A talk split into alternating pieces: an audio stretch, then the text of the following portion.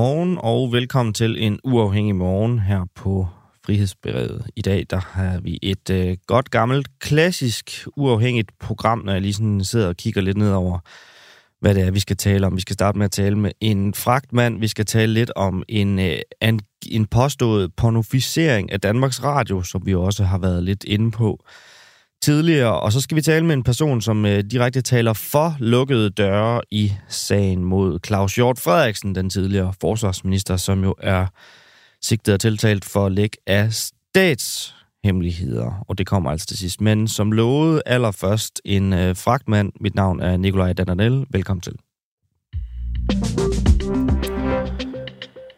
er det nemlig naivt at stole på, at vognmændenes interesseorganisation kan varetage lastbilchaufførernes ønsker. Det er ikke alle vognmænd, der bakker op om den øh, lastbilsblokade, eller alle de lastbilsblokader, der har været rundt omkring i øh, hele landet, som har fået rigtig meget øh, medietid. Øhm, aktionen bliver blandt andet kaldt for poppet og for fransk, og det er selvfølgelig en henvisning til de gule veste i Frankrig, som gentagende gange har skabt voldsom ballade på gader og stræder i hele landet. Christian Skov Petersen, fragtmand, og en del af Danske Fragtmænd. Godmorgen.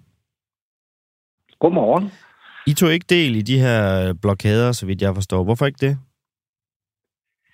Det tog vi ikke, fordi øh, vi arbejder jo på at præge den politiske dagsorden. Men jeg skal samtidig sige, at øh, vi støtter den jo på en eller anden måde, fordi øh, vi kan godt forstå den frustration, der er blandt mm. øh, nogle vognmænd. Men hvad synes du om, øh, hvad skal man sige, sådan, når du siger, I støtter dem, men I ikke selv var med? Altså selve fremgangsmåden med at lave de her øh, blokader her rundt omkring i landet, hvad, hvad synes du om det? Jamen altså, det er jo ikke noget, jeg kan... Jeg går ikke ind for ulovligheder, og, og det har jo været ulovligt, at politiet øh, dygtigt har, har afværet, at, at det blev totalt altså, total stop for, for ja. al øh, lastbilstrafik i Danmark. Så, mm. men, men jeg forstår godt frustrationen. Okay de vognmænd, der nu har hængt de der blokadeskilte op på deres lastbiler og tændt for alle de gule lamper og blokeret så meget de nu kunne og kørt langsomt på motorvejen og hvad der nu ellers har været og blokeret rundkørsler og jeg ved ikke hvad. Øhm, I ligesom i afmagt over, at, øh, at der sker noget, de ikke, de ikke rigtig kan påvirke. Hvad skulle de have gjort i stedet for, mener du? Jamen, det, der er vigtigt, det er at støtte op om de organisationer, der arbejder for at, at øh, få uh, politikerne til at forstå de forudsætninger, der er for loven. Nu, når man kalder det en klimalov, jeg mener ikke, det er noget med klima, det er noget med skat. Mm. Og de forudsætninger, som at vi har mulighed for at omstille os, er til stede. Og det har vi ikke. Vi kan ikke i dag uh, købe lastbiler, da de investeringer, staten har gjort i infrastruktur, er langt bagud, hvis man ser i forhold til Sverige og Tyskland. Så mm. der er reelt en, en risiko for, at erhvervet kan blive udkonkurreret, når, når svenske lastbilsejere og tyske lastbilsejere kan komme herop og køre med el-lastbiler, hvor de får tilskud til at køre langt billigere, end hvad vi har mulighed for. Okay.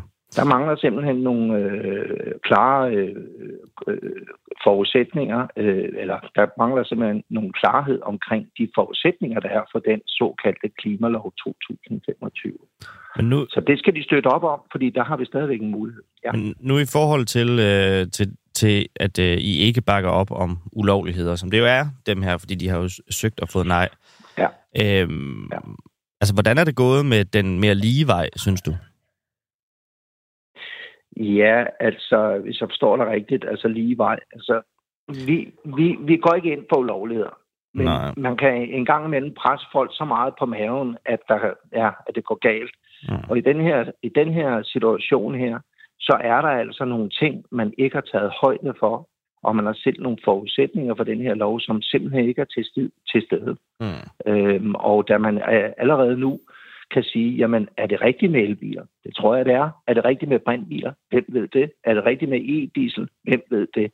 Altså der er så mange parametre, der er så mange usikkerheder omkring, hvordan lastbilstransportens drivmidler skal se frem ud af, i fremtiden, så er det altså mærkeligt, at man bare laver en såkaldt klimalov. Og derfor er det jo, vi siger, at det har intet med klima at gøre. Det er rent beskatning, for der er et hul i, i statskassen. Jeg tænker bare på de brancheorganisationer, som øh, nu skulle øh, bakke dem op i den politiske indflydelse. Altså, kan du nævne et øh, resultat i kampen mod den kilometerbaserede vejafgift, som er lykkes ved den mere traditionelle vej, hvis jeg skal kalde det det.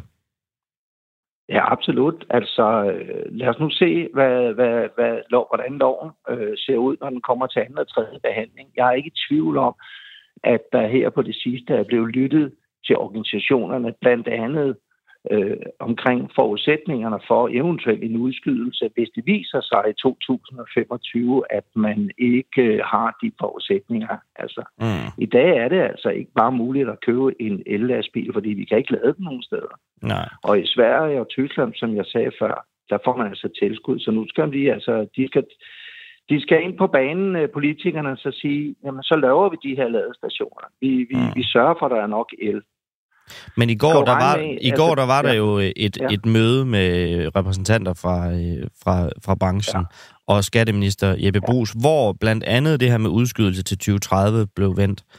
Og der var jo ikke nogen slinger i valsen fra øh, skatteminister Jeppe Brugs på det område. Så hvad får dig til at tro, at, øh, at der bliver skabt resultater af den vej her i stedet for?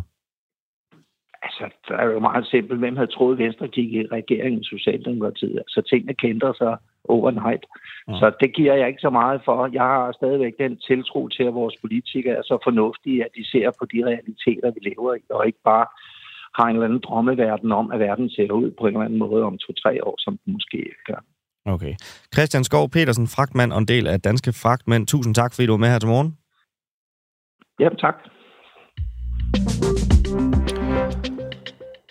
Og inden vi lige øh, går videre, så øh, så vil bare lige opdatere jer på en, en sag, som jeg ved har fyldt rigtig meget for, for mange af jer, øhm, nemlig hele kraftskandalen i Region Midtjylland. Vi har også forsøgt at gøre vores her. Vi havde blandt andet øh, interviewet med den lægefaglige direktør, Helene Propst, for noget tid siden. Øh, men det, der er interessant øh, i udviklingen lige nu, det er, at formanden for Region Midtjylland, øh, Anders Kynav, der er fra Socialdemokratiet, han er nu blevet ligesom tvunget ud af den busk, som han ligesom forsøgt at, at gemme sig i omkring hele kraftskandalen på Aarhus Universitets Hospital. Og helt kort, hvis vi lige skal tage sådan et oprids af selve skandalen, så er der 313 kraftpatienter, der har øh, ventet længere, end de havde ret til på deres kraftoperation.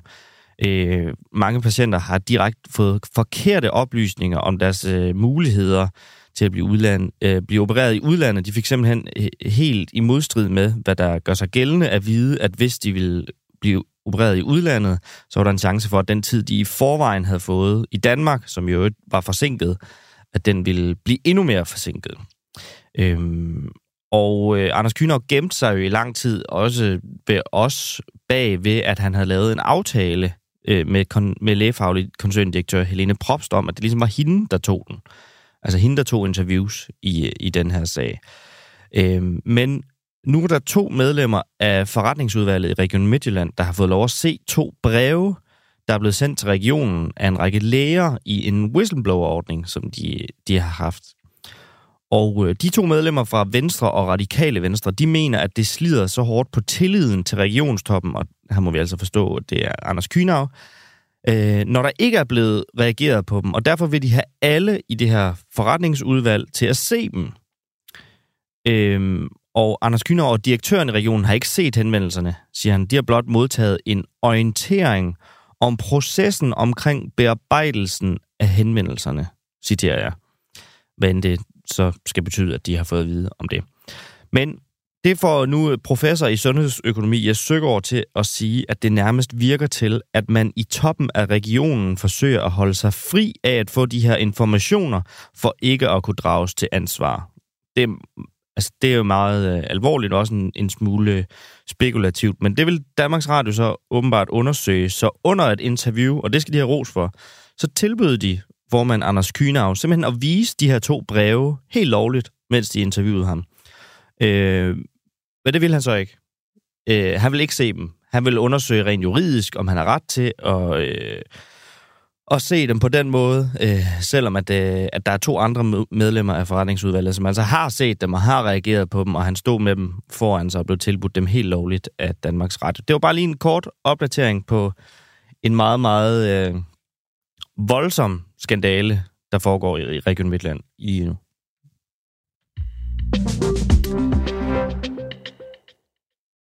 Og godmorgen også til øh, alle jer, der, der skriver en. Jakob Møller, godmorgen. Øh, Marika Louise Tinglef, godmorgen. Frederik Leop Bliermann, godmorgen. Og jeg er rigtig mange flere, der skriver øh, godmorgen i vores kommentarfelt. Det, det er vi rigtig glade for. Nu skal vi øh, vende en, øh, en, hvad skal man sige, en sidste kæmpe på den europæiske slette, nemlig spørgsmålet om Europas sidste diktator er blevet alvorligt syg. Det er i hvert fald det, han øh, bliver kaldt, diktatoren i Belarus, Alexander Lukashenko, der over den sidste tid har vist tegn på sygdom. Og øh, det skaber noget rygter og noget røre i Belarus. Der har sågar været rygter om, at han skulle være død. Men øh, nu har han så i går vist sig i en video, som angiveligt skulle være optaget i Moskva. Jonathan Schacht Halling, Belarus kender, der har studeret og rejst i Belarus og følger situationen i hele landet tæt. Godmorgen. Godmorgen. Sådan helt øh, konkret, hvilke tegn er det, der florerer i belarusiske medier og på sociale medier, der peger på, at Lukashenko skulle være syg? Jo, det første tegn, vi så, var øh, faktisk, øh, da Lukashenko var inviteret til Moskva den 9. Øh, maj øh, i forbindelse med den store parade i anledning af øh, den sovjetiske sejr i 2. verdenskrig, der holdt Putin jo en stor parade på, på den røde plads i Moskva. Mm. Og der sad Lukashenko, øh, og man kunne se, at han var bleg, og at hans hånd øh, var bundet ind øh, med bandager. Og da de skulle, øh, skulle flytte sig, øh, de her statsledere, der var inviteret øh, til at deltage i paraden, øh, fra øh, nogle tribuner nær Lenin-mausoleet og over til den øh, ukendte soldats grav, og det er altså måske 100 meter eller sådan noget, så gik øh, statslederne selvfølgelig derover, undtagen Lukashenko. Han blev simpelthen kørt i en golfbil, den meget korte øh, distance. Så der var et eller andet der, der var, var mærkeligt. Og så kom han så øh, senere samme dag hjem til, øh, til Minsk, hvor der også var en 9. maj øh, parade. Og der var det hans forsvarsminister, der holdt øh, talen til folket. Og det er besynderligt, for den tale har Lukashenko holdt, siden han blev præsident i Belarus, og det gjorde han i 1994, så knap 30 øh, år. Så det var øh, usædvanligt. Derefter var han væk, øh, og, og det var han i øh, 5-6 dage, indtil han så her øh, for et par dage siden øh, dukkede op i en, i en video, hvor han stadig så meget øh, svag og bleg ud, og hvor hans nu den anden hånd øh, var bundet ind i bandage. Okay. Og så er der så selve hele det her med rygtebørsen. Altså, hvilke mm. rygter går der om, hvad han egentlig skulle fejle? Jamen, der er rygter af forskellige, øh, hvad skal man sige, øh, soliditet. Øh, for der er rygter, der kan underbygges, og der er rygter, der ikke kan, kan, kan underbygges. Altså, der er en del spekulation om det her bandager på hans hånd handler om, at han får drop, øh, så det simpelthen er, er, er på grund af droppet, de her øh, bandager er, er på, og, og der bliver jo nævnt alt muligt øh, kraftsygdomme og covid og øh, andre øh, ting. Øh, jeg tror, man må sige, det er der ikke ret mange, der, øh, der ved. Men det vi nok godt kan gå ud fra, det er, at det er noget alvorligt, øh, han fejler. Fordi alene det, at han er fraværende, gør, at der bliver i gang sat en debat om, hvem hans efterfølger er. Og det er ikke i, øh, i Lukashenkos øh, interesse. Mm. Øh, det er ikke i hans interesse, når vi kan se, at et øh, højtstående regeringsfly fra, øh, fra Moskva lander i, øh, i Minsk, mens han er, er syg, så er det sandsynligvis, fordi russerne er derovre for at foretage øh, nogle, nogle sonderinger om, hvad der, hvad der så skal ske øh, efter Lukashenko. Så det er alvorligt, men hvad det er, der er alvorligt, om det er sådan dødeligt alvorligt, det ved vi ikke. Men hele det her med, i forhold til de tegn, du nævner, altså noget med, at han, han ser bleg ud, men også det her med, at han bliver mm. kørt i en golfbil, altså det kan jo også bare være sådan et tegn på magt, at jeg gider sgu ikke gå nogen steder, I skal, I skal køre mig. Altså det, det, det vil bare ikke være det mest opsigtsvægtende, hvad skal man sige, øh, magtfremstød fra en øh, diktator, jeg kan komme i tanke om. Og så hele det her i forhold til, at han ser, ser bleg og, og slidt ud, altså jeg tror da også, og det er virkelig ikke for at, hvad skal man sige, gøre grin med nogen, men jeg tror da også, at i nogle tilfælde, når det har været hårdt for sådan en, altså Lars Løkke Rasmussen, altså hvis nogen tog billeder af ham på noget tidspunkt, øh, fordi han arbejder jo også meget sent, altså så kan det jo godt være dagen efter, at man ser lidt, lidt ramt ud af, af det, så er det ikke hurtigt at gå til konklusioner om, at han ligefrem skulle være nærmest dødelig syg, på grund af, at han ser lidt slidt ud. Jeg tror, at det her med at være dødelig syg, det er mest fordi, han forsvandt øh, i øh, seks dage, hvor der ikke var officielle øh, billeder eller beskrivelser af, hvad han øh, foretog sig. Mm. Og det er øh, ekstremt usædvanligt i, øh, i Belarus. Der er Lukashenko her, der og alle vegne i medierne øh, hele tiden. Det andet handler nok i høj grad om, hvad det er for et image, han har han har bygget op omkring sig selv, og derfor er det så ukarakteristisk, mm. øh, at han, han pludselig fremstår så, øh, så, så fysisk svag. Uh, han har altid været en meget fysisk mand. Uh, han øh, får jo arrangeret øh, de forskellige sportskampe, øh, som han kan få lov at, at vinde. Ikke? Øh, typisk øh, ishockey, men øh, på et tidspunkt har vores egen Karoline Jakke også været over at spille tennis øh, med ham, og Monika han også, også øh, valgt den endda. Og det er så sådan noget, der bliver vist på, på tv, og så er han den, den her stærke fysiske øh, mand, som, øh, som, som kan det hele. Mm. Øh, så det her med, at han lige pludselig ligner en, som ikke har kræfterne, øh, som ser træt ud, og, og som i flere dage er, er væk fra det offentlige rum. Det er i hvert fald ekstremt ukarakteristisk for ham. Hans egen lejr, altså hans egen folk, hvad, hvad giver de af forklaring på, på de her tegn og de her rygter her? Ja, det bemærkelsesværdige er, at man kan ligesom dele øh, mediebilledet øh, omkring det ind i, i tre. Øh, der er de officielle belarusiske statsmedier. De nævner det ikke med et ord. Øh, der er ingen billeder af det, og da han så dukker op igen, og der er nogle billeder af ham, så bliver det heller ikke øh, kommenteret. Så er det, fordi han er ude at besøge en luftbase og sådan nogle ting. Eller har besøg af en, af en guvernør fra, fra, fra Rusland. Men man taler så ikke om elefanten i, i rummet. Mm. Så er der de belarusiske oppositionsmedier, der kører spekulationerne bare for fuld drøn, ikke? Og mm. øh, oppositionens leder i eksil har allerede været ude at tale om, at de har en plan klar i tilfælde af hans pludselige død, og hende her Svetlana Tikhonovskaya, hun siger, at øh, det internationale samfund skal være klar til at hjælpe, hvis udviklingen går hurtigere og sådan nogle ting. Mm. Vi kan nærmest ikke få ham i, i kisten hurtigt nok. Og så er der de russiske medier. Og man skulle umiddelbart tro, at de russiske medier læser op af den belarusiske statspropaganda. Men det gør de ikke. De, øh, de russiske medier taler faktisk om øh, sygdommen, øh, taler om billederne, øh, hvor han er svækket og har bandage på, øh, på hænderne. Øh, så faktisk minder det billede, som, som er i de russiske medier, mere om, om, om oppositionsbilledet øh, derhjemme. Mm. Så, så, så, så der, er, der er en reel drøftelse af det her i, øh, i Rusland også. Men nu, vi har en af vores øh, faste lyttere, der hedder Anders Viborg, der spørger, hvem er egentlig mm. nummer to i Belarus? Altså, hvem får vi i stedet for, hvis det viser sig, at alt det her holder stik, og han er færdig? Hvem bliver det så? Det er det ekstremt gode spørgsmål. Øh, formelt er det sådan, at det er lederen af, øh, hvad hedder sådan noget, overhuset øh, i det belarusiske parlament. Det er en kvinde. Hende bliver det helt sikkert ikke, øh, fordi det her regime er temmelig sexistisk. Så at forestille sig at have en, en, en kvindelig præsident, det kan de nærmest ikke finde ud af. Øh, så, så det bliver en eller anden anden, øh, der bliver øh, hentet ind, og det, man må formode, at det bliver en fra, fra regimet, men der er, det er ikke sådan, at der er et billede af, at premierministeren står stærkere end forsvarsministeren eller sådan nogle ting. Øh, faktum er, at øh, en del af måden, som Lukashenko har holdt magten på, har været, at folk løbende blev skiftet ud. Øh, og det vil sige også, at hvis folk blev sådan lidt for populære i egen ret og fik deres egen stemme, så var de nok til, at de mistede deres poster i, øh, i, i regimet, for ingen skulle kunne måle sig med Lukashenkos egen øh, mm. opmærksomhed og popularitet.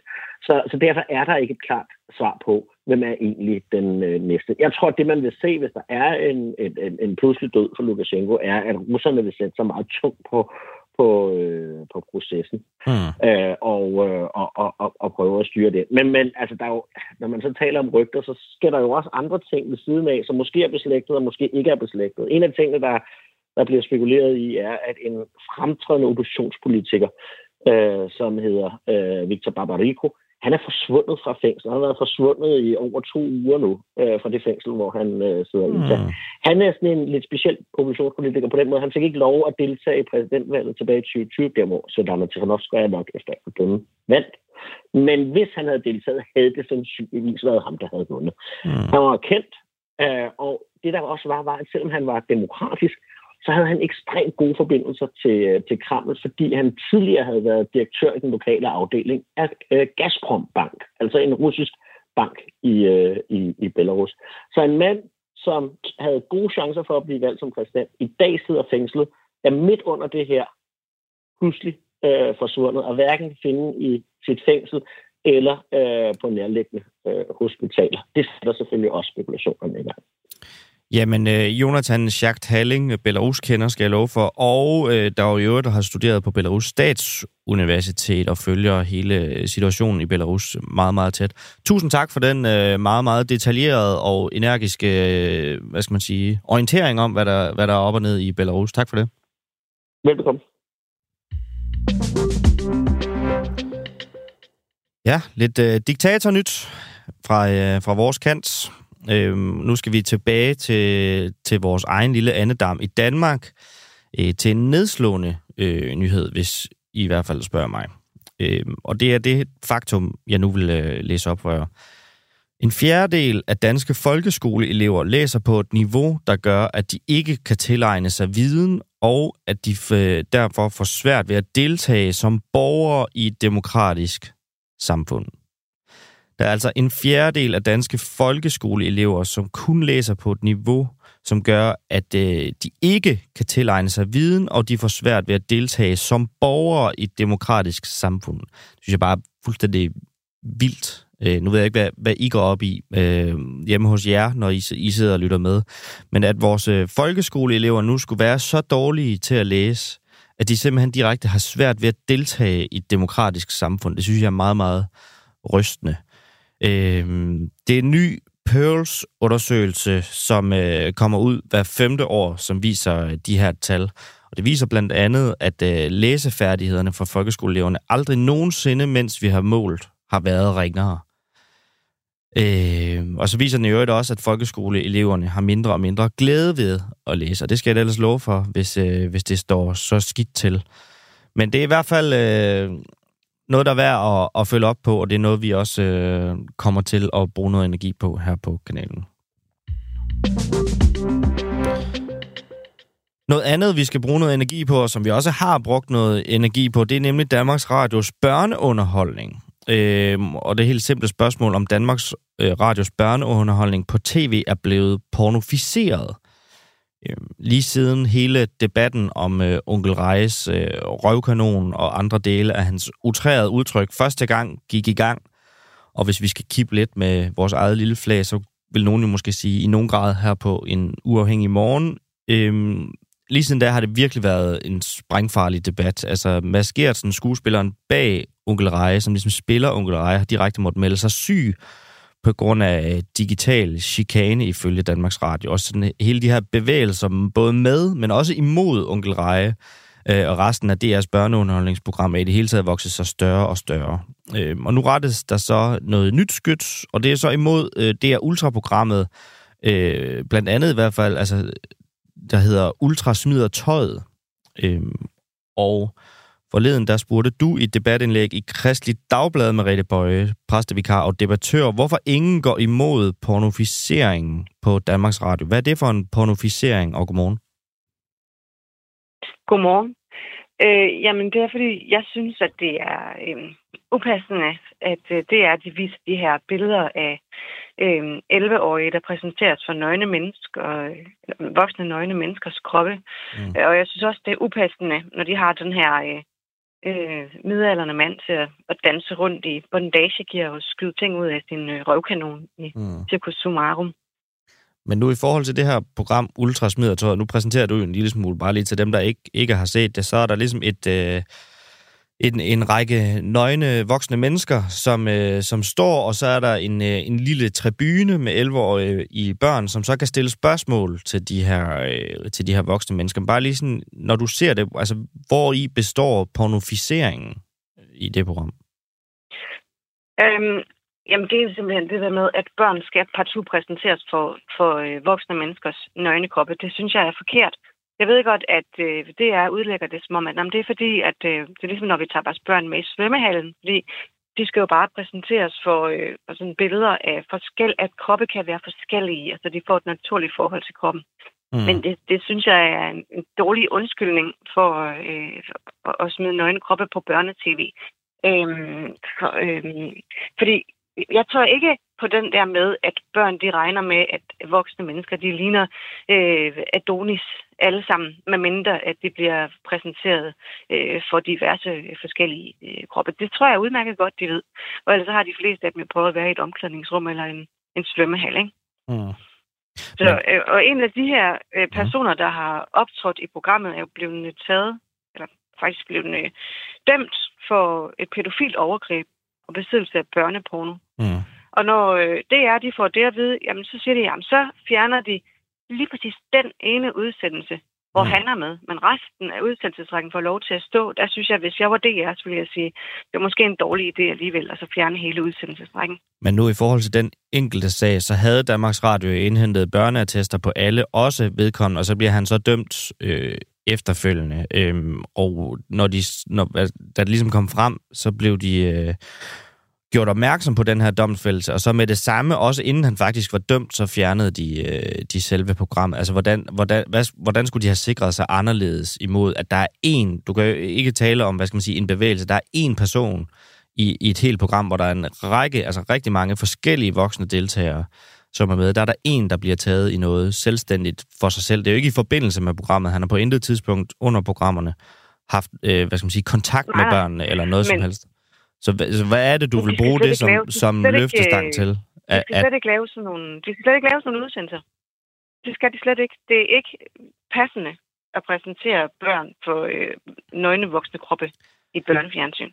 Men jeg vil bare gerne lige vende tilbage til så det her med, at du kalder det pornoficering. For det, det at der står en nøgen øh, voksen mand eller en voksen øh, kvinde, øh, altså hvordan er det porno? Det, jeg siger jo ikke, at det er porno. Jeg siger, at det er noget, der kommer snigende det her. Fordi mm. jeg kan ikke forestille mig, at, det, at det kunne have været lavet for 20 år siden, øhm, hvor alle børn skulle jo være dækket til, og, og måtte ikke engang løbe omkring øh, nøgne foran børnehaven, hvis det, hvis det var varmt. Altså, øhm, det er noget, der kommer snigende, den her øh, altså pornoficering, som jeg kalder det, hvor man sådan lige så langsomt lemper mere og mere øh, sex øh, ind i børnenes øh, øh, liv. Men nu, du var også lidt inde på det selv, altså hele øh, hensigten med programmet, det er vel netop det modsatte, netop at afseksualisere kroppen, altså at, at nøgenhed ikke er lige med sex, så derfor så står der nu en række voksne mennesker, som man kan stille altså spørgsmål fuldstændig frit for leveren, og det er jo ikke, altså det er jo, nu, nu prøver jeg bare lige, jeg har ikke set det før, at, øh, at du har skrevet om det, nu prøver jeg bare lige at sætte et af programmerne på, for lige at vide, hvad, hvad er det egentlig, vi, vi taler om, to af programmerne faktisk. Altså, de, det er sådan noget, så handler det om hår, og så spørger de, om det klør, når de barberer sig øh, efterfølgende. Altså, om det klør, når de har barberet sig, og om man får mange bumser det, af det, og det, alt sådan noget. Det ved jeg godt. Altså, det er da meget... Det, har, det, det, det, det, det, det, de siger. Jeg har bare svært ved at forstå, hvordan det er pornoficering. Det, de siger det her med, at om det er noget, de laver for naturlighed og præsentere dem. Jeg har jo sådan set svaret på dit spørgsmål en gang. Ja. Det kan jeg egentlig ikke forstå, hvorfor du spørger mig om i, igen. At jeg synes, det virker som en, en dårlig undskyldning. Jeg synes, at det er forkert. Jeg synes, at det, det, hvis, hvis det, børn skal præsenteres for nøgenhed og høre noget om kroppen og sådan noget, så må det være en forældreopgave. Mm. Det er ikke noget, der skal fjerne det der. Men når du så kalder det en dårlig undskyldning, altså, så, så indebærer det så næsten ikke nogen altså en eller anden art hemmelige motiver bagved, for at de, altså hvorfor de i virkeligheden skulle have lyst til at vise nøgne kroppe. Altså hvad er det? Det ved jeg ikke. Altså, jeg er ikke sådan specielt konspiratorisk anlagt. Jeg ved bare, at der er noget, der hedder tidsånd, som, øh, som, som blæser hedder det, og man, den vil, er der mange mennesker, der rigtig gerne vil være med på. Mm. Lige nu, der blæser den altså hen i retning af stærk seksualisering og af børn. Okay. Øhm, du, I dit uh, debatindlæg i Kristelig Dagblad, der refererer du blandt andet tilbage til 70'erne, som vi nogen nok, uh, hvis ikke de kan huske dem, så i hvert fald måske har hørt om som sådan en meget frisindet uh, øh, periode i Danmarks historie. Uh, og spørger om sex med børn igen er ved at blive normaliseret. Altså, i, i, når vi taler om Danmarks Radios børneunderholdning, hvordan ser du så den uh, kobling? At sex med børn lige frem skulle være ved at blive normaliseret? Jamen, det er igen den her glidebane, hvor at, øh, jeg kan slet ikke forestille mig, at da mine de ældste børn var små, at der kunne, at der kunne have været vist øh, sådan en, øh, en, en video, ligesom vi ser øh, øh, onkel Reje i, i, øh, i Circus Sumarum, hvor det er sådan en mand, som er klædt i, i læderbondageudstyr, som svinger skrevet op i ansigtet på en anden mand i bulderdragt. Mm. Øh, eller siger til en kvinde fra publikum, kom lige herop, du skal proppe den her raket op i det lille brune hul, og så giver hende slik øh, for det. Altså, jeg synes, det er så tydeligt, så tydeligt en øh, seksualisering af, af børnene, der, der finder sted her. Men hele det her argument med, at der er noget, der... Jeg, jeg, ja. skal ikke, men er, jeg skal ikke anklage ham for at gå og pille ved børn eller noget, men det tror jeg sådan set ikke, han gør. Nej. Men jeg synes bare, at det er en, en kæmpe... Øh, altså, et, altså Jeg synes, det er vildt upassende, det der. Men hvad skal du så føre til, altså når, når anklagen så ikke er, at, at, at, at han ikke går og, og, og piller ved børn, så selv hvis du har ret i, at den her pornoficering øh, via børneunderholdning finder sted, altså hvad, hvad er konsekvenserne ved det? Jamen, altså, jamen det er jo, at vi, vi bevæger os ned af den her, øh, øh, af det her skråplan, som, øh, som, som, som kan føre til, øh, til, til, til, til overgreb på børn. Ikke? Hvis du forestiller dig... Hvordan, øhm, det, det, det, det, det, det er en meget al, alvorlig anklage, at, at børneunderholdningen skulle føre til overgreb på børn. Hvad bygger du det på? Det er jo ikke en, det er jo ikke en anklage, det er en, sådan en, en bekymring. Okay. En bekymring, jeg kan have. Øhm, hvis du forestiller dig en, øh, en voksen mand, som siger til en lille dreng, mm. skal vi ikke lege onkel Reje? Altså, så han har sådan en segway øh, på den måde ind i, i et eller andet øh, altså dystert, synes jeg. Men det er bare, onkel Reje har jo eksisteret i 10 år. Altså, hvis det skulle være en reel bekymring, som der skulle ske nogle konsekvenser ved, hvorfor har vi så ikke set det endnu? Jamen, det er fordi, nu skulle du høre, jeg så også onkel Reje for 10 år siden, sammen med mine ældste børn. Mm. Øhm, fordi dengang, der var han jo ikke på den måde. Altså, der, der lavede han de her små, sjove øh, sørøver-shows, og han havde sådan nogle absurde Monty Python-villigheder, som, som var sjove, ikke? Og sang en lille sød sang om, at han ikke kunne lide at gå i bad. Det, det var da morsomt. Det er jo noget nyt, at han lige pludselig optræder på den her øh, måde, som han gør. Okay. Jamen, jeg, jeg, har ikke, øh, jeg har ikke nok analysekraft eller, til at, at vurdere, om, øh, om han er meget mere utræret nu, end han har været for, for 10 år siden. Så det kan jeg simpelthen ikke, øh, ikke udfordre. Men, men, Nej, det er han. Men, det er han helt tydeligt. Helt hvis, hvis nu vi skal tage vores konstruktive ske i, i hånden her, hvad kunne du så egentlig godt tænke dig, der sker øh, på det her område? Øhm, Jamen, jeg kunne godt tænke mig, at Danmarks Radio, de begynder at, øh, at tage skeen lidt i den anden hånd, og, og tænker lidt over, hvad det er for noget, de installerer i, i børnesindene, når de hele tiden laver fjernsyn, som øh, handler om, øh, om tissemænd og numser. Mm. Jamen, øh, og så efterspørger du noget politisk handling også. At, uh, du stiller egentlig også spørgsmål, hvorfor der ikke er nogen politikere, der ligesom går, går ind i det, i, i det her nu. Efterspørger du noget fra Danmarks Radio. Hvad kan du godt tænke dig fra politisk hånd? Det skal vi nemlig vende lige om lidt. Jamen altså, der kunne jeg jo godt tænke mig, fordi Danmarks Radio er jo, øh, er jo hvad hedder det, licensbetalt, og det er noget, der har en bestyrelse. Mm. Det er noget, vi kan styre politisk, hvad, de, hvad der kommer ud af Danmarks Radio. Det kan vi ikke med andre tv-kanaler, men det kan vi godt med dem. Så når jeg efterlyser politisk handling, så er det selvfølgelig fordi, at jeg vil gerne have, at der er nogle politikere, der går ind og øh, altså, og, og viser DR til rette på det her område. Man laver nogle retningslinjer, som siger, at dansk børnefjernsyn, det skal ikke øh, handle om... Øh, om kønsdele og voksen nøgenhed. Øhm, og i øvrigt, så må de også gerne øh, lave nogle regler for, hvor mange bandeord, der må være i sådan en børneudsendelse. Ja. Jamen, øh, det er jo en helt anden, helt anden snak. Det kan vi jo måske øh, åbne for øh, på et andet tidspunkt. Og øh, så tror jeg, at hvis det skal indføres, så tror jeg også, at vi skal til at, at tænke os lidt om her på programmet nogle gange. Jeg tror også, der slipper noget ud en, øh, en gang imellem. Men øh, Merete Bøje, øh, præstevikar... Det er, jo ikke, det er jo ikke børnefjernsyn. Det er ah. børnefjernsyn. Ja, det er rigtigt. Ja. Det er rigtigt. Det er rigtigt. Har så, jeg tid til lige at sige en ting mere? Så kom med det. Mm-hmm.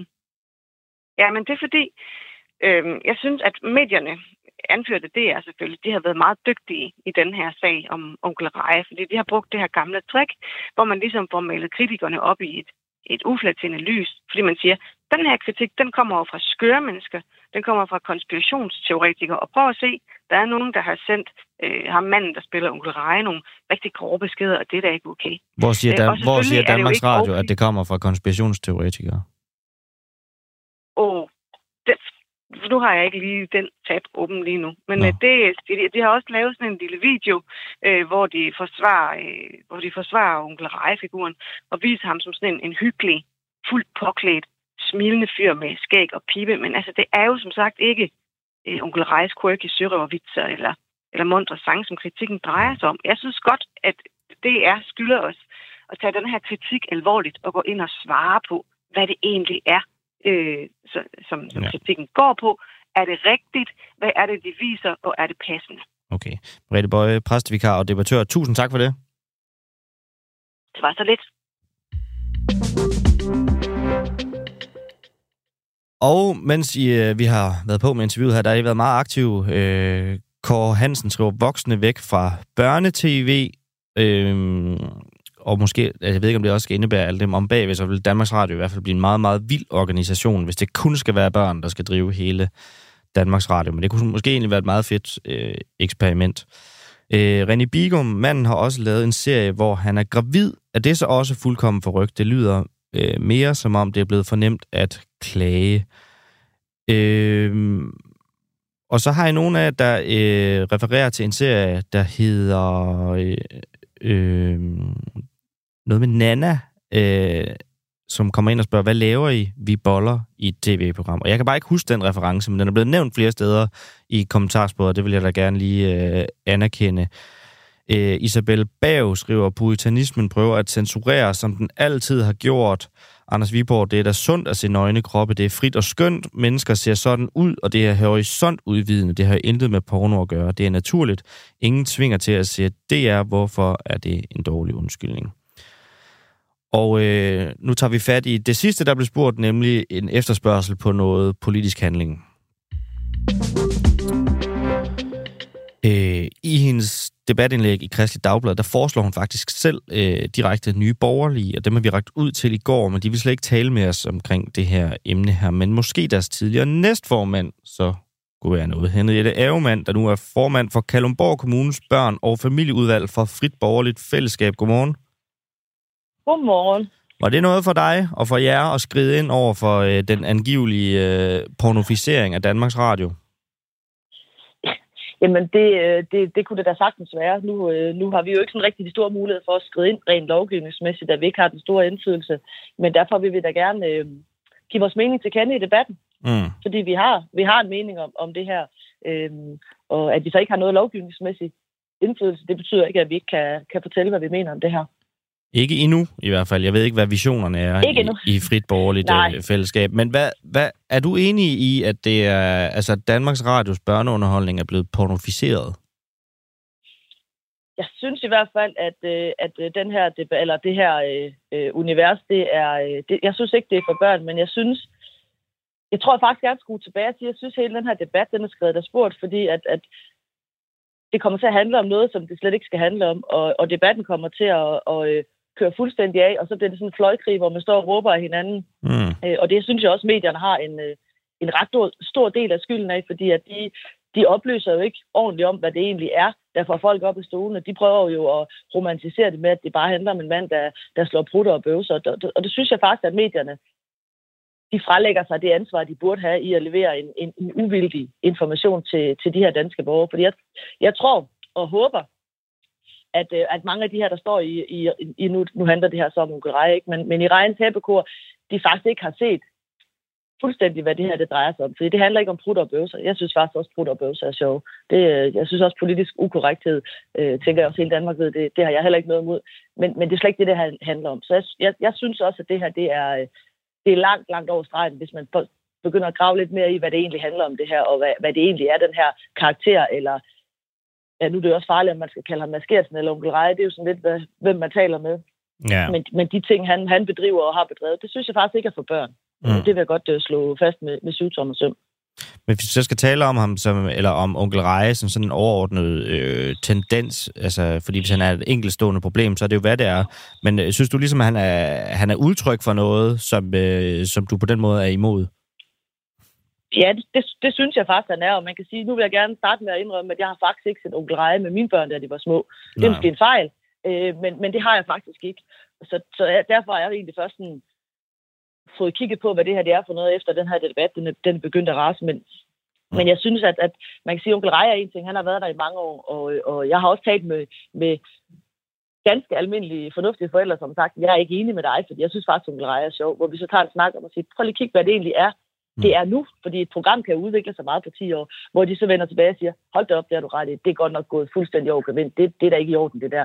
Så det er også derfor, jeg mener, hvis forældre egentlig bare sætter deres børn foran kassen, og tænker, at nu er de underholdt, og, og tænker, at det er en mand, der slår brudt og bøvser, så forstår jeg faktisk godt, at de synes, at, at, at os, der opponerer imod det, vi er nogle krænkelsesparate, hysteriske forældre. Men det er jo ikke det, det handler om. Jeg synes ikke, at børn skal drages ind i det her voksne rum, fordi det synes jeg faktisk, det er. Og der er, der er masser af, af signaler og masser af, af ting, der, der, der kan relateres til, til, til seksuelle undertoner, og det synes jeg, Jeg er generelt den opfattelse, at børn skal have lov at være børn så længe som de kan. Og, det, og der synes jeg faktisk, der sker et skred, og det, og det gør der, og, og det er jo selvfølgelig onkel Reje, det er, det er, det er ultra smider tøjet, hvor man jo så bagefter må finde ud af, at en af de voksne deltagere faktisk har været i besiddelse af en masse børneporno. Så synes jeg ligesom, man trækker et hen sted, hvor, hvor det her det skal gøres en lille smule normalt. Mm. Og, og det bliver jeg bekymret for. Okay. Henriette Avermann, øh, tidligere næstformand i Nye Borgerlige, og nu formand for Kalumborg Kommunes børn- og familieudvalg øh, i Frit Borgerligt Fællesskab. Tusind tak, fordi du havde tid til lige at være med her til morgen. Så tak.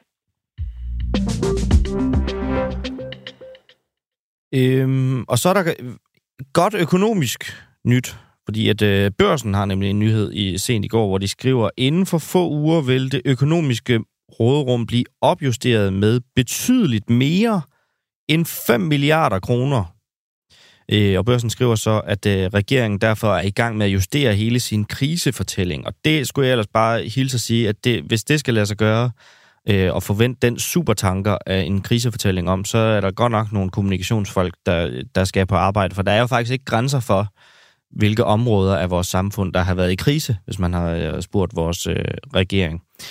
Øh, men held og lykke med det i hvert fald. Helt præcist, så, øh, så står der i børsens historie fra i går, det præcise tal for opjusteringen er angiveligt ikke endeligt konsolideret, men råderummet vil i 2030 blive øget med betydeligt mere end 5 milliarder kroner, som en kilde formulerer det. Ifølge Finansministeriet var råderummet før opjusteringen 48 milliarder kroner i 2030. Så det er altså ikke bare en, øh, en lille beskeden opjustering. Mere end 5 milliarder kroner, det kunne jo faktisk, øh, hvis man gad det, have udskudt stor bededag. Men næsten to år. Øhm, men lad os nu se, om det bliver, det bliver løsningen på det. Øh, I går, der talte vi med Andreas Holbak fra Dansk Industri, som i øjeblikket råber op om brugen af telefoner og skærme i folkeskolen. Og det er der altså efterfølgende en hel masse mennesker, der er stemt i det her kor her. Det er ikke, fordi der ikke også har været det inden, men debatten omkring skærmene i folkeskolerne, den er, den er virkelig blusset op. Dem skal der, de her skærme og tid foran skærmen skal der være meget, meget mindre af, mener Dansk Industri og det lød sådan her. Det kniber måske en lille smule med koncentrationsevnen, sidder med næsen begravet i det, vi kender det i øvrigt selv. Det drager mm. vores opmærksomhed, de her devices, det er det gode til. Og det er bare det, hvor vi siger, måske vi lige nu skulle råbe vagt i gevær, og måske vi lige nu skulle tage den bekymring og lufte den, og så sige, har vi den udvikling, vi vil have? Er vi trygge ved, at vores børn bruger så mange timer bag ved skærmene, som de gør? Birgitte Vind, indrigsordfører fra Socialdemokratiet, der blandt andet sidder i udvalget for digitalisering og IT. Godmorgen. Godmorgen. Du mener også, ligesom Dansk Industri her, at skærmene skal begrænses i folkeskolen. Hvorfor det? Ja, så desværre må vi jo erkende, at den fantastiske udvikling, øh, vi har været igennem med, med adgang til nettet og, og også undervisningsmaterialer på, på nettet osv., at det, ja. det har måske, vi har måske nået et, et punkt, hvor, øh, hvor vi mangler noget mere nærvær og nogle øh, flere muligheder for at danne relationer, øh, fysiske relationer, end at sidde med, med snuden i en skærm. Og, øh, og derfor så tror vi også, at tiden er inde til, at vi lige tænker os om en ekstra gang. Øh, hvad er det egentlig, vi byder vores børn i skolerne? Nu har jeg selv arbejdet i folkeskolen i, i mange år, og, øh, og ved jo, hvordan udviklingen er gået. Og, og det har været på mange måder rigtig spændende, og det har også været på mange måder en, en berigelse øh, at kunne søge oplysninger på nettet. Problemet med, med internettet er bare, at øh, i dag er det jo også designet ved algoritmer af nogle tech som ikke altid vil vores børn og unge det godt. Mm. Og, øh, og det er jo også den skærmbrug, de i høj grad har i deres frikvarter, i deres fritid, der, der er en stor belastning. Altså det, det her med folkeskoleeleverne, deres læring og deres trivsel, den har ligesom dykket stødt de seneste mange år. Nu er der så lige kommet den her undersøgelse ud med, at de har aldrig, simpelthen siden man har målt, læst ringere, end de gør nu, som jeg også nævnte lidt tidligere i det her program. Og lige nu der er det skærmene, der får skylden for, for det meste af det her. Er du enig i det?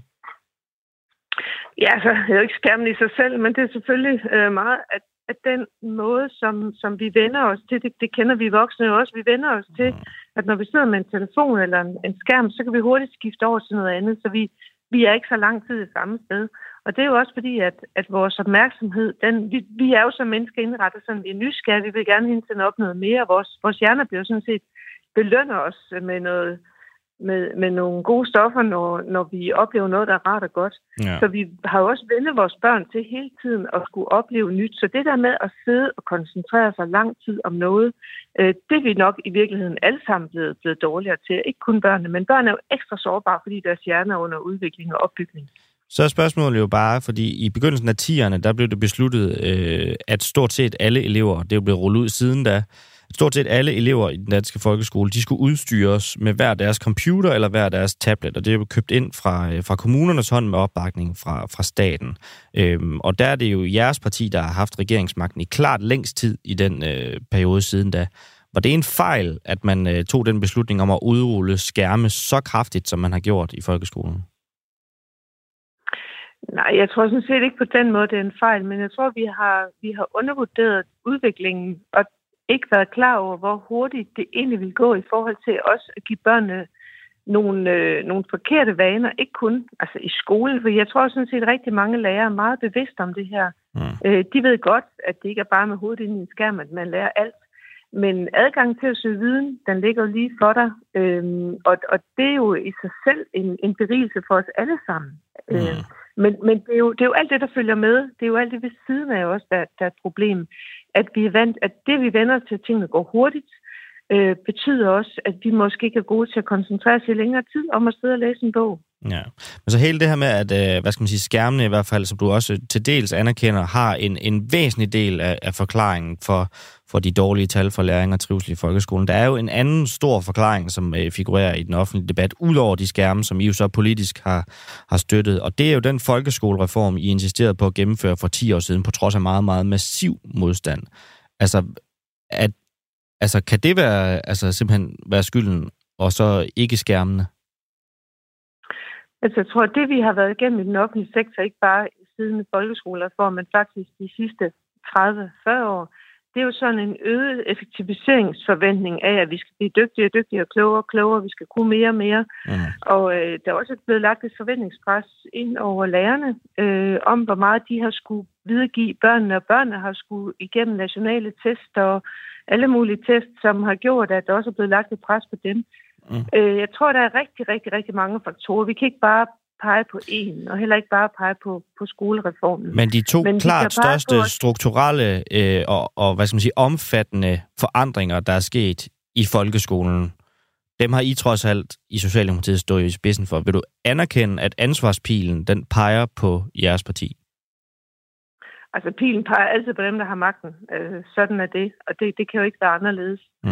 Men jeg vil også sige, at folkeskolereformen er jo meget, øh, det er jo mange ting. Øh, det handler jo også om øh, mere tid til at, at lege og bevæge sig. Det er jo også en del af folkeskolereformen, som også blev lagt ind. Så, mm. så der, var ikke, der var ikke kun dårlige ting i, i, i den reform, tværtimod. Øhm, men hvis vi skal holde fokus på, på den debat, vi har nu mm. i forhold til, til skærmene, så tror jeg, vi står i et, vendepunkt, hvor vi bliver nødt til at erkende, at den fantastiske tid, vi har været igennem, øh, hvor børnene bare kunne sætte sig ned foran en skærm, og så var det en berigelse, den er ligesom over. Vi må erkende, at der er nogen bag skærmene, øh, som ikke er skolen, som ikke er forældrene, men som er nogle tech-giganter, som i den grad har fat om, øh, hvad det er, børnene møder, øh, og, og vender dem til at sidde hele tiden med en telefon, eller en iPad, eller en, en skærm, jamen det bliver vi nødt til at tage ansvar for. Altså, jeg plejer at sige, ja at det her det er lidt ligesom, hvis vi sætter en, en 8-årig ud foran øh, rettet på en bil og beder, beder hende om at, at styre hen en motorvej. Det vil vi aldrig gøre. Og det er jo lidt det samme, når vi lukker børn ud på nettet, øh, så giver vi dem rigtig mange udfordringer, de skal navigere igennem, og de kan jo ikke overskue konsekvenserne. Og derfor bliver vi også nødt til som voksne at stoppe op og, og se, kan vi, skal vi ikke begrænse deres, deres skærmtid og, mm. og tilbyde, tilbyde dem noget mere noget andet.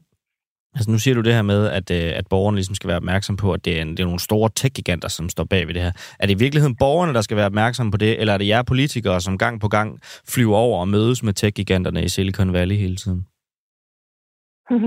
Jamen, øh, vi skal i hvert fald, øh, alle, alle, skal jo være, alle skal jo være på vagt, og det, det skal borgerne også. Altså, vi går jo ikke ind i, i folks hjem og bestemmer, hvad man, hvad man bruger sin, sin tid på øh, hjem bag hjemmets fire vægge. Det Jamen, har vi jo alle sammen. I bestemmer jo, hvilke skærme, der for eksempel skal være tilgængelige i folkeskolen, og rammerne for, hvordan de, de skal bruges. Lige præcis. Og der, mm. der har vi da et kæmpe ansvar. Jeg er helt enig, og derfor skal vi da netop også øh, tage det her meget alvorligt. Øh, faktisk er det jo også noget af det, vi gik til valg på øh, sidste folketingsvalg. Det var jo at se på, om vi skulle lave en digital beskyttelseslov. Det står sådan set i regeringsgrundlaget. Mm. Så det her det er jo ikke noget nyt. Det er sådan set noget, regeringen har været optaget af øh, inden valget, og er jo der også sat en ekspertgruppe i gang, som faktisk snart kom en redegørelse, og for få uger siden, øh, der fremlagde øh, Nordisk Tænketank for Tæk og Demokrati øh, fra Nordisk Ministerråd også nogle øh, helt klare anbefalinger til, mm. øh, hvad de nordiske lande eksempelvis kan gå sammen om at lægge strategier. Så, så der er jo heldigvis stor opmærksomhed på, at har været det længe. Øh, vi er jo bare rigtig glade for, at, øh, at øh, aktører som øh, Dansk Industri øh, nu også går ind i det og peger på, at hov, der er faktisk noget her, vi også er bekymrede for. Mm. Jeg kunne faktisk meget godt lide din øh, parallel med det her med at sætte en 8-årig bag et ret og ud på motorvejen. Det fik mig til at tænke på, om altså har I været altså i regeringen, altså har I været for påvirkelige over fra tech-giganternes øh, interessevaretagelse i samtalerne med jer, når, hvad skal man sige, I selv nu anerkender, at udviklingen er løbet øh, en lille smule af sporet? Mm, det tør jeg faktisk rigtig sige. Altså, jeg, jeg ved jo selv som kommunalansat, hvor optaget af, vi har været af at få købt de rigtige øh, skærme ind, de, de, rigtige, de rigtige produkter ind, så vi kunne levere nogle, nogle brugbare materialer til vores øh, lærer og vores øh, børn og unge i sin tid. Øh, og der har man jo ude i kommunerne været meget optaget af, hvordan man kunne gøre det her øh, på en god måde. Men hvad har I og, vidst om det, man... når det var? Altså, fordi så er der jo, det er jo Google tablets, eller fra Microsoft eller fra, fra mm. noget andet i stor del? Altså, hvor har I tilskaffet jer den viden om, hvad den rigtige tablet er, hvis ikke det er fra producenterne selv? Ja, det tør, det tør jeg faktisk ikke sige, selvom jeg gerne vil kunne svare, så kan jeg faktisk ikke svare det på det, fordi det er min mm. tid i Folketinget, så det, det, det, det har jeg ikke været opsøgende på, Nå. så det kan jeg faktisk ikke svare det på. Men vi kan i hvert fald... Men du sagde jo selv, at I har været meget opmærksom på, at I skulle købe de rigtige, men hvis du så ikke ved, hvor I har tildraget jer viden til at være opmærksom på det, ja. hvad bygger du så på? Derhen, der henviste jeg til, at øh, som kommunalansat ja. øh, i sin tid, Men det er, også kommuner, det. det er jo også kommunerne, der direkte har købt de her tablets ind, som i en meget stor stil er købt ind direkte fra Google. Og så er det bare, jeg spørger, hvis det ikke er fra tech-giganterne selv, I har tildraget jer den viden, hvor er det så, når du selv siger, at I har været meget opmærksom på at købe de rigtige? Hvis I har været meget opmærksom, så kan du vel også nævne, hvor at I har øh, hvad hedder det, tilrendet jer viden til, hvad den rigtige tablet er. Nu udtaler jeg mig om den erfaring, jeg selv har haft som, som ansat i folkeskolen, om mm. den opmærksomhed, man har haft på, at man gerne ville øh, gøre det godt. Jeg tror ikke, man har været opmærksom på alt det, der fulgte med. Man skal, vi skal tænke på, at det her det er måske 10 år siden, mm. øh, og udviklingen den er gået virkelig stærk, og vi er blevet mere opmærksomme på nogle af de faldgrupper, der ligger i den måde, øh, devicene de fungerer på. Og det er jo i høj grad det, der er det... udfordring. Hvis vi, lige går tilbage, hvis vi lige går tilbage til kernen af det, interviewet handler om, ja. og det er, det handler om skærmen, tid, børnenes tid foran skærmene, og hvad det er, det gør ved dem, så er det jo også en viden, som vi er blevet opmærksom på, også politisk, øh, hvad det egentlig gør ved, ved børnene. Og det forbrug, at der er kommet, er jo heller ikke noget, vi forudså for 10 år siden. Det tror jeg ikke, der var nogen voksne mennesker, der forudså, øh, hvordan det ville påvirke dem. Ikke bare det i skolen, som i sig selv, synes jeg, er pædagogisk forsvarligt langt stykke hen ad vejen. Det er jo en mm. kombination af, af mange ting, øh, der gør, at vi skal stoppe op. Og den debat er meget, meget velkommen. Men det er jo også bare fordi, at øh, du har ret i, at det handler om det her med skærmene, men vores opgave er også at udfordre jeres påstande, og når du så påstår med erfaring direkte ude fra kommunerne, at de har været meget, meget opmærksomme, så spørger jeg dig bare til, hvor, du, altså, hvor, du, hvor I har fået den viden fra, hvis det er rigtigt, at I har været meget opmærksomme på, at de skærme, I har plantet i folkeskolen, elevernes hænder, at det har været de rigtige når jeg udtaler mig, så er det som ansat på en folkeskole, og jeg har jo ikke som ansat på en folkeskole været inde i det maskinerum, og det er ikke for at gå udenom, men det er, det er jo simpelthen nogle men, ting, jeg heller men, ikke ved nok om. Men hvor ved du så fra, at I har ja, været så opmærksomme, som du siger på, at det tablets, de har været de rigtige, og ikke altså muligvis de helt forkerte, når vi kan se alt det, I råber op om nu? Jeg tror, det, det man skal vide, når man stiller det spørgsmål, det er, at vi har rigtig mange folkeskoler, og hver folkeskole har skulle sidde øh, gøre sig den her øvelse og finde ud af, hvad er det for nogle indkøb, vi skal foretage. Og så er det jo dem, der har skulle foretage de indkøb, den viden, de har kunne finde frem på daværende tidspunkt, øh, der, har, der har gjort det. Nogle kommuner har lavet fælles indkøbsaftaler på det. Var det smart øh, der, fra politisk der, hånd så at lade det være op til den enkelte folkeskole at manøvrere rundt i det her fuldstændig vilde nye net af ny teknologi, der er på det her område? Man kan jo altid, når man kigger bagud, sige, at man skulle have gjort ting anderledes. Jeg kan bare sige, at man gjorde det så godt man kunne på det tidspunkt, og med den viden, man havde. Mm. Og sådan er det jo med, med alle livets forhold. Så det kan jo altid sige, at man ikke gjorde det godt nok. Jeg synes faktisk, at man gjorde sig umage ud for den viden, man havde på det tidspunkt. Mm. Og vi må jo bare erkende, at udviklingen er gået rigtig, rigtig stærkt. Mm. Og derfor så stopper vi op nu fra Folketingets side og siger, hov, vi bliver nødt til at have en debat med hinanden om, om det her. Hvad det egentlig gør ved vores, vores børn. Okay. Birgitte Vind, indrigsordfører for Socialdemokratiet i udvalget for digitalisering og IT. Tusind tak, fordi du stillede op til interview. Selv tak. Han god dag. I lige måde.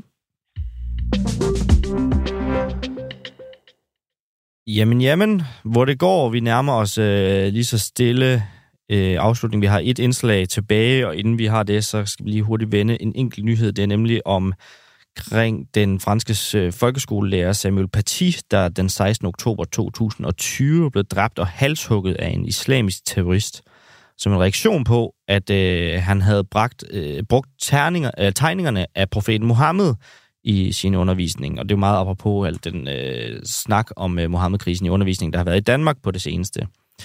Øh, der er nemlig nu 14 mennesker, der bliver tiltalt for deres rolle i drabet på øh, skolelæreren her. Så ikke kun den øh, ene mand. Den ene, den 18-årige tjetjenske gerningsmand, han blev skudt og dræbt på stedet af, af politiet. Øhm, men nu viser retsdokumenter, som det franske nyhedsbyrå AFP refererer til, nemlig at, øh, at det er 14 mennesker, som skal for retten i den her sag. Og de to mest alvorlige anklager, der er mod de her 14 personer, det er medvirken til drab som en del af en terrorhandling, øhm, og den er altså rettet øh, mod to personer, som var venner med den 18-årige gerningsmand. Skal offentligheden acceptere, at sagen mod tidligere forsvarsminister og venstreprofil Claus Hjort Frederiksen skal køres for lukkede døre? I fredags så afgjorde Københavns Byret, at sagen, hvor Claus Hjort Frederiksen er tiltalt for straffelovens meget grove paragraf 109 om læg af statshemmeligheder skal køre for lukkede døre. Claus Hjort Frederiksen han har selv offentligt sagt, at øh, sagen mod ham drejer sig om fem offentlige udtalelser i medier, og ifølge Berlingske og Weekendavisens oplysninger, så drejer de udtalelser, hvor Hjort går længst om et årlangt samarbejde mellem amerikanske National Security Agency, også kaldet NSA, og Forsvarets efterretningstjeneste om at tappe rådata fra danske søkabler, altså det her kabelsamarbejde, som øh, I som lytter måske har hørt om. Men alligevel Niels Jespersen, chefredaktør for netavisen Pio, der mener du, at en del taler for, at sagen skal køre for lukkede døre. Hvorfor det, og godmorgen? Ja, godmorgen. Jamen altså, det er jo noget, en, en dommer skal afgøre. Det har jeg jo tiltrudt til, at, at ja. landsretten er den rigtige institution til. Mm. Ja, mit argument er bare, at når der er mulighed for at føre en sag bag lukkede døre, så er det svært ved at se, at det ikke netop skulle være i situationer som den her, fordi meget af det her er jo noget, der berører Danmarks forhold til fremmede magter, altså det her tilfælde sandsynligvis USA.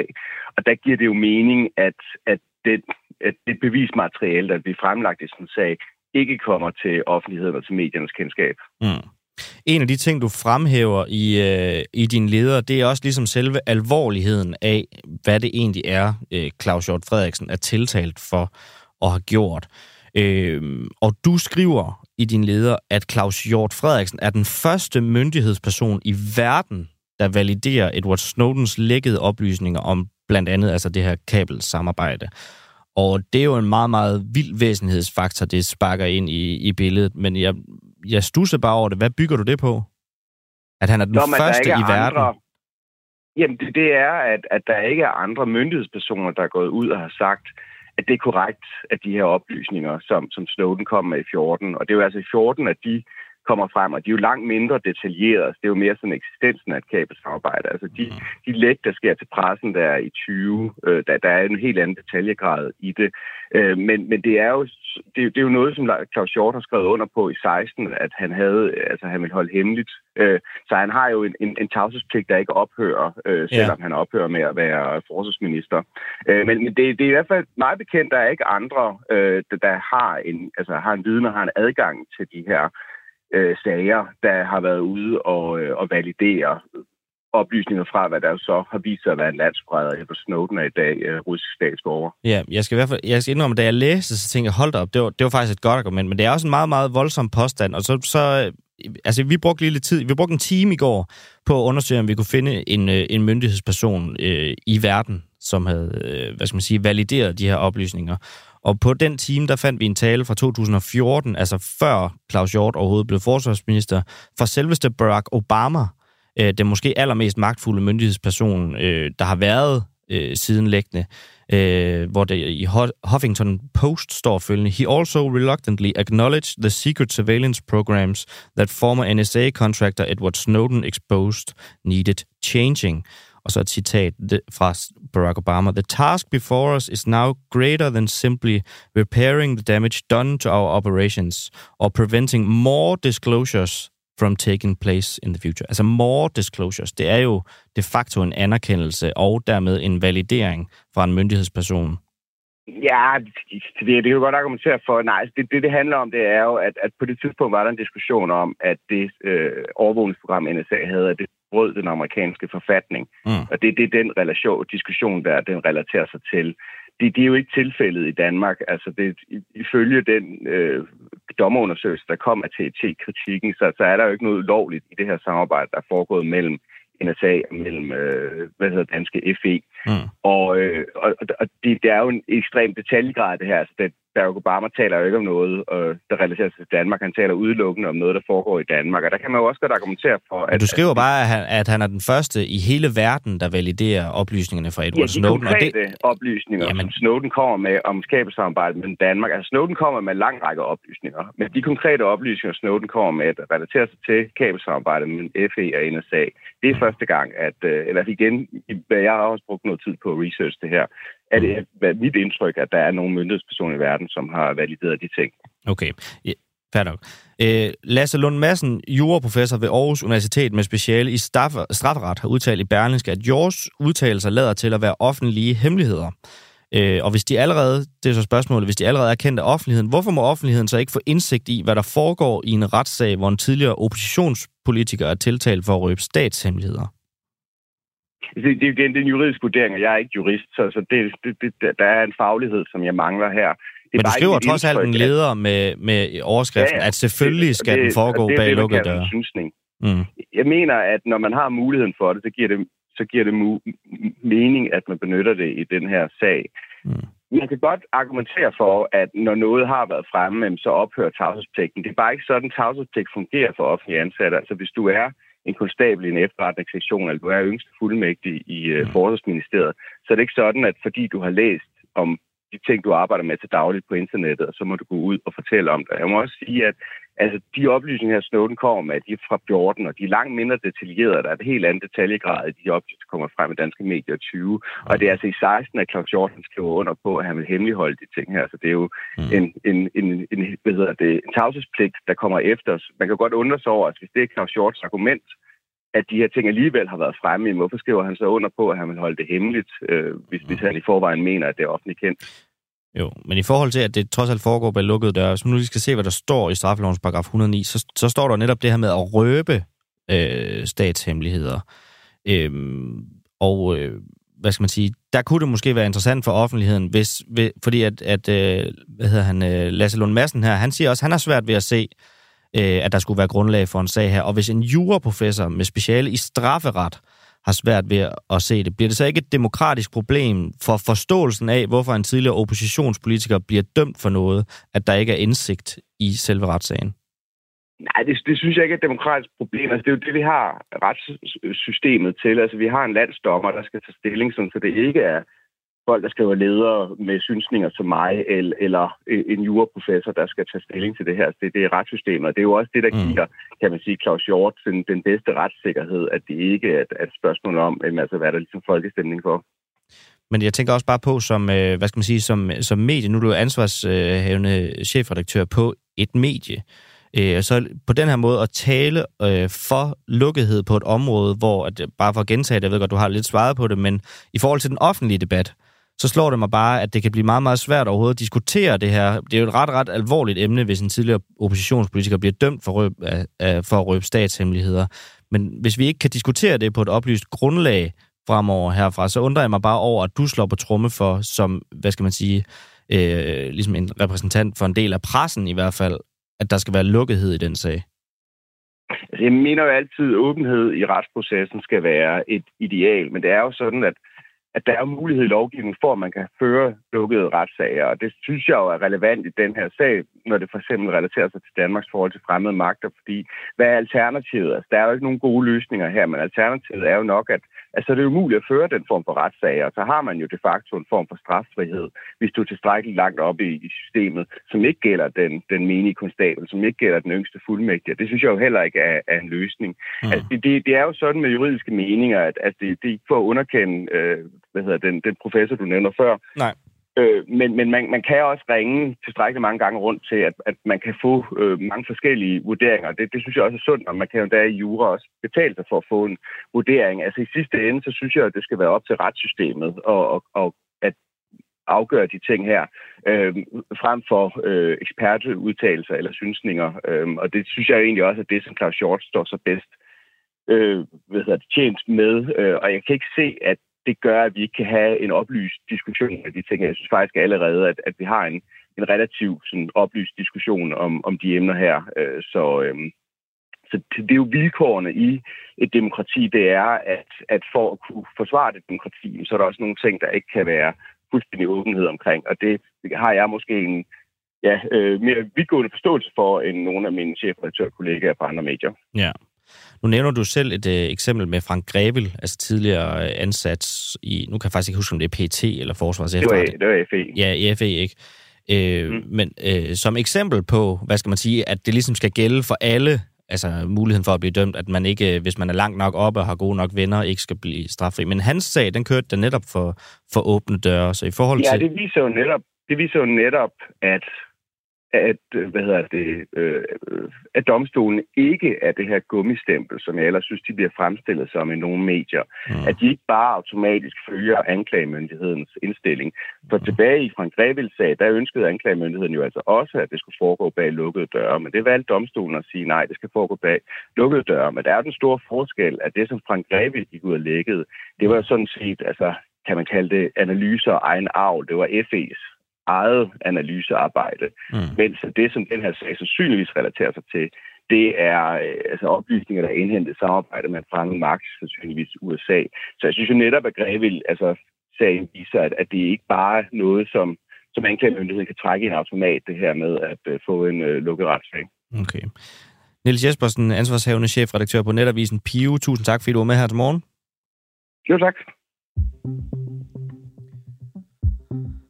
Så når vi ikke mere for i dag. I morgen der er det Kristi Himmelfarts helligdag, så der får I ikke vores øh, rustne røst at høre. I må vente til på fredag, hvor vi til gengæld er tilbage med et nyt sprængfarligt program til jeres øh, lyttebøffer. Mit navn er Nikolaj Dandanel. I teknikken der sad Magne Hans. Redaktør var Peter Svart. Kan I have en rigtig god dag og en god helligdag i morgen.